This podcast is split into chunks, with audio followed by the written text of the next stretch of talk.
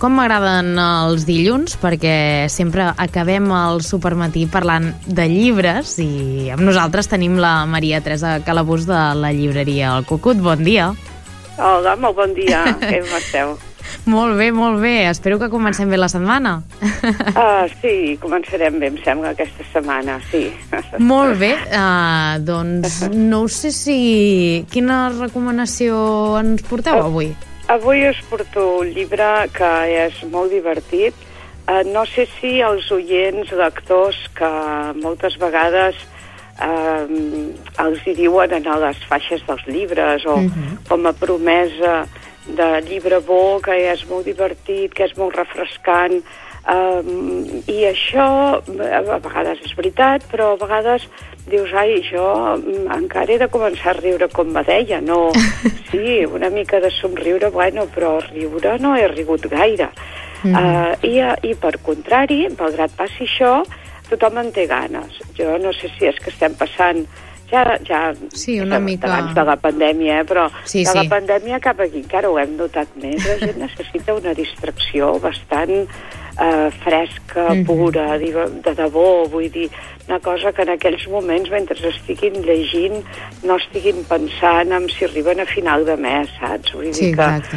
Uh, i que quedin totalment atrapats en aquesta, en aquesta lectura igual que pot passar doncs, mirant un, una sèrie o una pel·lícula que tu saps que aquella hora i mitja, com que tampoc hi has de dedicar a vegades, eh, n'hi ha mm. que són molt sessudes també de pel·lícules, però moltes vegades també ja les triem més lleugeres per, per, per, bueno, doncs per descarregar una mica l'estrès que portem a sobre, mm -hmm. no?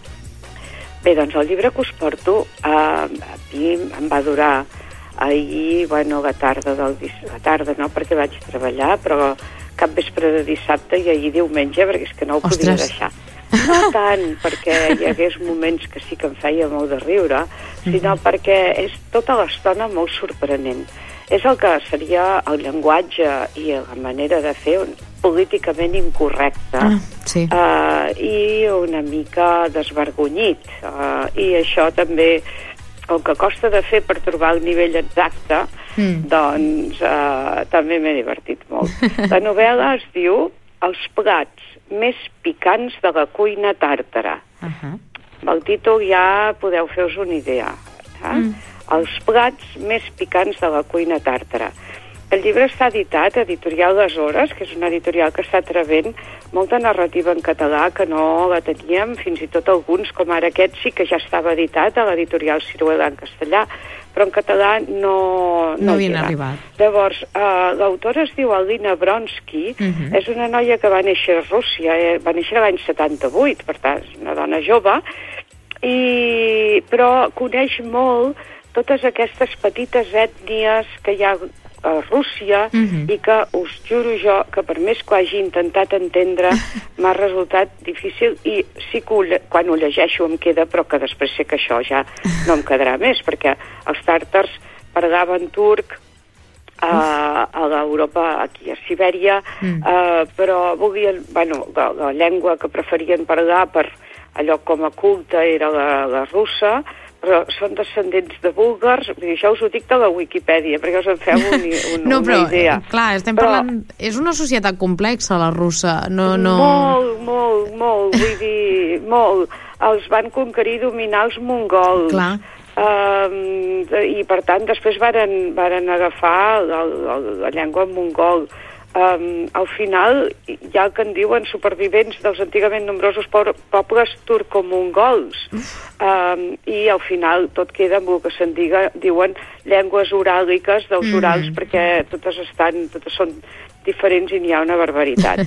En tot cas, uh, aquestes dones, o aquesta dona era, és tàrtar, la de la novel·la, mm i és una dona que, sobretot, el que vol és el benestar per la seva filla i la seva neta. Uh -huh.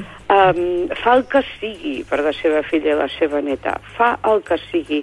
I això és el, el més, potser, mm, sorprenent i divertit, perquè tu també ho faries, saps? Tot sí, i que a exacte. vegades, quan hem vist, jo què sé, dones que una mica joves, uh, vistoses, que um, bueno, doncs intenten conquerir un senyor viudo amb, un, amb una situació econòmica benestant uh -huh. i notes que l'únic que volen és aquesta garantia de no passar gana i de no passar misèria. I de seguretat, i sí, que, sí. I de seguretat, i, que els, i tu dius, va, ja com l'enredarà.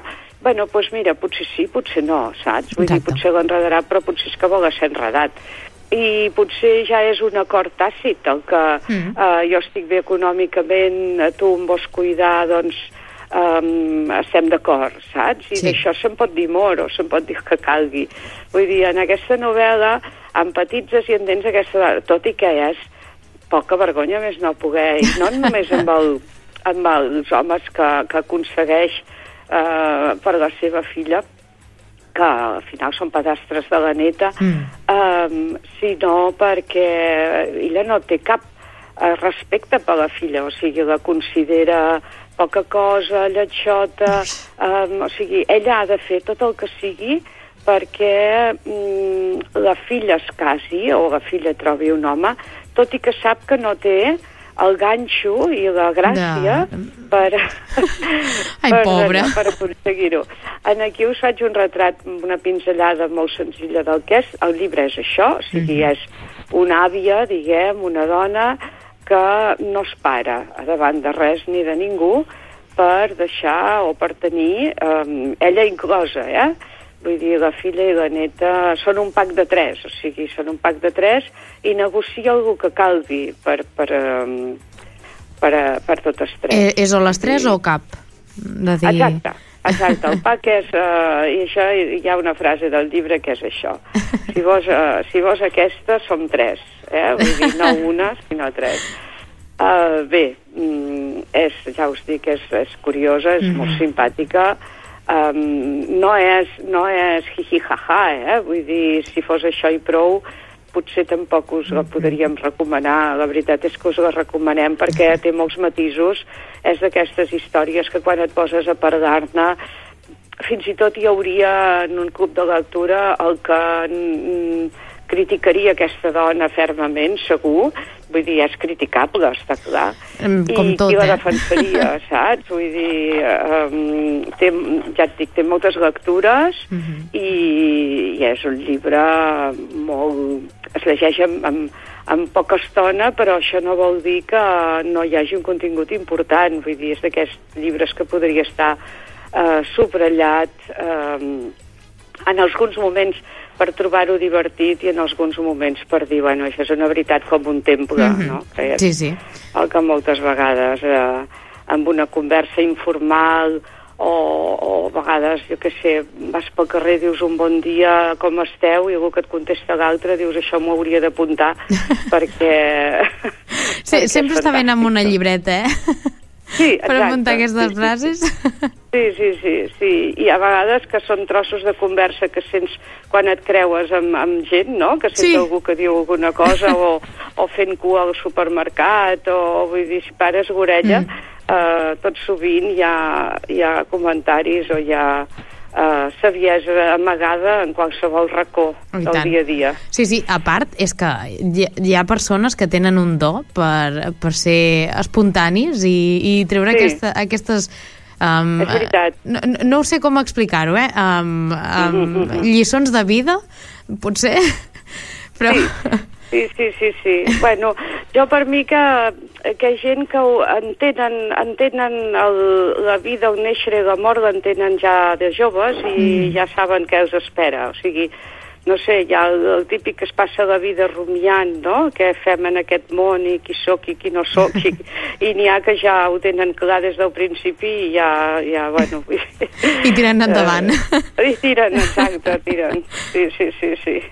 No, no, doncs, um, últimament jo el que estic veient molt quan parlem de lectures són llibres um, una mica més picats, és a dir, que no, per exemple, no, no tenen les grans descripcions, um, no ho sé, eh? a mi és la sensació que em dona i sobretot en aquest món d'autors uh, russos uh, Mm. no sé vull dir, hi ha aquesta tendència de, de fer llibres més mm, curts, picats, no sé com explicar-ho, um, que, que tinguin aquest... Probablement, si també tu els has vist i els has detectat, vull dir, sí, mm, diria que s'està intentant no passar de les 200 o 300 pàgines, poques vegades, excepte que no sigui un segell d'un bestseller mm, d'aquests que sí. ja te'ls esperes gruixuts perquè ja és la línia, no? Els, els Ken Follett, doncs si no és això o una intriga allò prometedora, que a vegades no és que siguin tan gruixuts, sinó que, mm. si us hi fixeu, uh, fan un paper més gruixut, eh? O sigui,